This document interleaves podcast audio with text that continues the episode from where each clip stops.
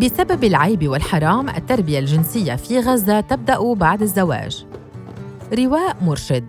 عاشت أمل سعيد من مخيم جباليا شمال قطاع غزة في فلسطين طفولة عادية إلى أن بلغت الرابعة عشرة من عمرها حين قلب مشهد حميم في فيلم أجنبي حياتها رأساً على عقب.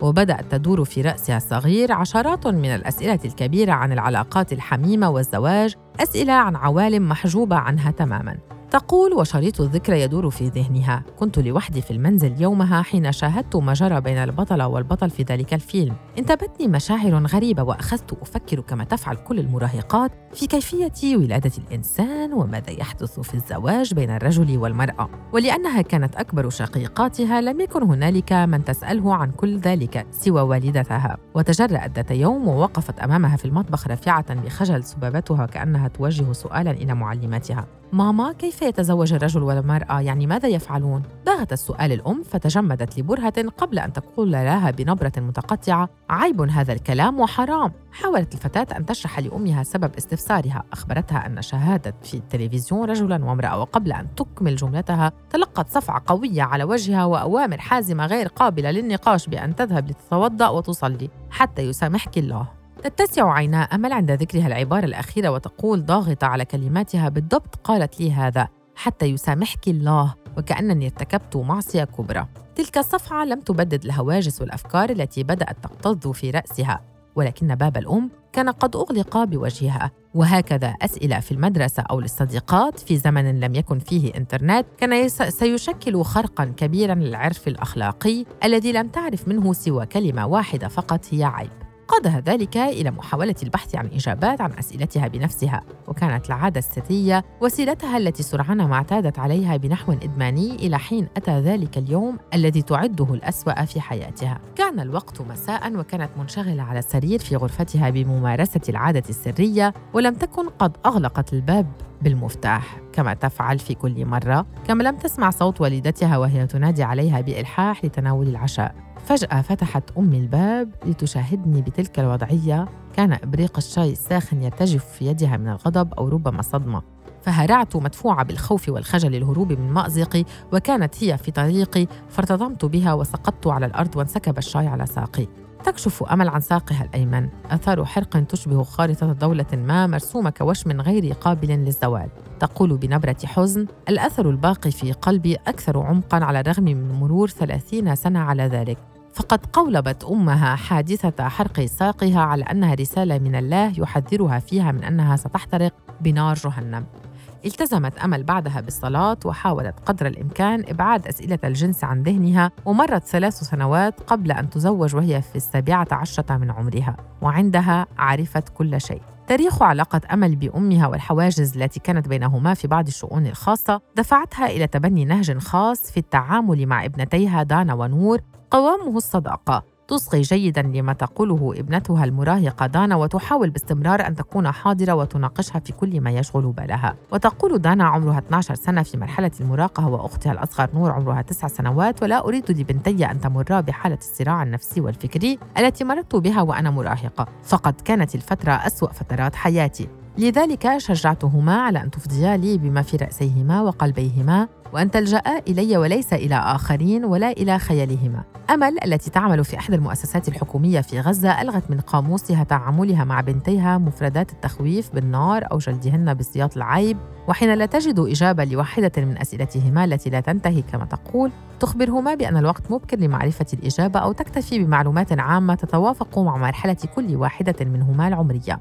وتضيف بشيء من الزهو أنا صديقة لهما. نخرج نتمشى سويا نفهم بعضنا البعض وأبقي الأبواب كلها مفتوحة لهما نحوي. هذا واجبي. فإذ لم أكن أنا كأم ملاذهما وصديقتهما التي تسمعهما من سيفعل ذلك إذن؟ وتتابع عندما تزوجت. لم تحكي لي أمي ولا بكلمة واحدة عن ليلة الدخلة وما يحدث فيها. وفي اليوم التالي اكتفت بسؤالي إن كان زوجي سعيدا. فأكدت لها ذلك لكننا لم نتكلم في أي تفاصيل. تأخذ نفسا عميقا وتتابع بحزم لن أفعل هذا مع بناتي وسأكون معهن إذا احتجن إلي. لن أتركهن وحدات مع هواجسهن أبدا. لم تعد التربية الجنسية مسؤولية الأسرة وحدها. كثير من الدول ولا سيما المتقدمة أصبحت تشرك المدرسة في أداء هذا الدور نظراً لأهميته وخطورته في الوقت عينه.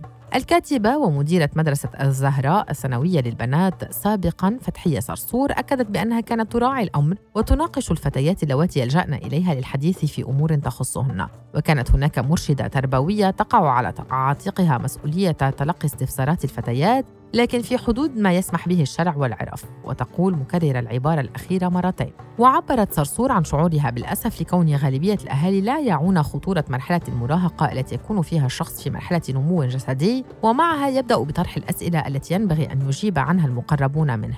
وفي المدرسة لا يتم تخصيص حصص مدرسية تشرح للفتيات عن الثقافة الجنسية. ولم يحدث ذلك من قبل على حد علمي تقول. وتشير إلى أن ذلك ممكن حالياً لكن فقط خلال حصص الإرشاد وهي غير منهجية توعوية فقط بلا اختبارات للطالبات في نهاية العام في محتواها وبالتالي لا علامات لها في سجل الطالبة. وتلفت إلى أن تلك الحصص غالباً ما تكون في حصص الفراغ أو لسد غياب معلمة وتكون في سياق حديث المرشدة بضوابط محددة وبالقدر الذي يطمئن الفتاة في حال تعرضت للتحرش وخلاف ذلك. ويشدد المرشد التربوي محمود المنسي الذي يعمل في مركز فلسطين للتدريب والدراسات في غزة على أهمية التوعية الجنسية للفتيات بعمر المراهقة. ولزوم حصولهن على معلومات تفصيلية صحيحة وليس عموميات أو مفاهيم مغلوطة قد تؤثر على حياتهن مستقبلا. ويتابع بأسف. مجتمعنا يعد التحدث في مواضيع الثقافة أو التوعية الجنسية من المحرمات والعيب على الرغم من أن الأمهات الشابات أكثر انفتاحا واحتواء لبناتهن خلافا للصورة النمطية القديمة عن الأم الحازمة. لكن فيما يخص التربية الجنسية ما زال هناك الكثير لفعله. وبما أن المبرر الغالب لرفض الأمهات الحديث مع بناتهن في أمور تتعلق بالقضايا الجنسية هو الحرام يؤكد الداعية الإسلامي الدكتور أيمن أبو حجر أن التربية الجنسية تعني تعليم الأبناء وتوعيتهم ببعض قضايا البلوغ والغريزة والزواج. ويبدي أبو حجر استغرابه مما يصفه بانغلاق فكر كثيرين من الناس في هذا الأمر ورفضهم الحديث مع أبنائهم في تلك المواضيع مع أن الشريعة الإسلامية أكدت ضرورة ذلك وفقا لما ذكر.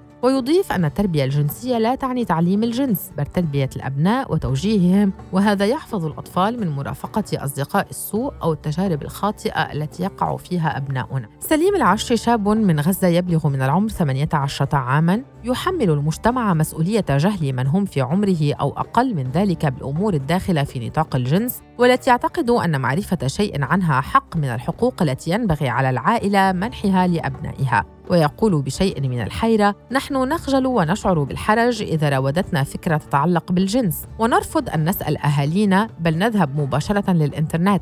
أصدقائي يفعلون ذلك وأنا أيضاً.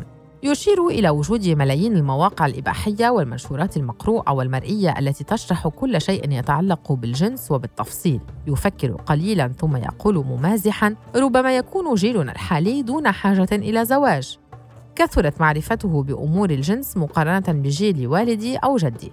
من جانب آخر تقول نيفين السلهوب 15 عاماً وهي من قطاع غزة. كذلك أنها هي من ترفض الحديث في هذه الأشياء وتقصد الجنس وتضيف من حقي أن أعرف من حقي أن أسأل لكن الخجل يمنعني وشقيقتي الأكبر مني وقريباتي وصديقاتي كلهن مثلي. تنظر صابرين عبد الهادي 45 عاماً بعين القلق تجاه القضايا المتعلقة بالتربية أو الثقافة الجنسية. وتعدها حساسة جدا. وهنالك موانع عادة للخوض فيها. وتقول حتى لو الدين حلل ذلك يظل هناك الحياء والخجل الذي يجب ألا يزول بين الفتاة والآخرين حتى لو كانت أمها وإلا ستفقد البنت حياءها ويصبح الأمر عاديا. وتعتقد صابرين أنه ينبغي أن يعطى كل سن حقه. عندما تكون الفتاة مراهقة أعلمها عن الدورة الشهرية ونظافة جسمها لكن الجنس وغيره هذه مواضيع ستفهمها لاحقا عندما تتزوج.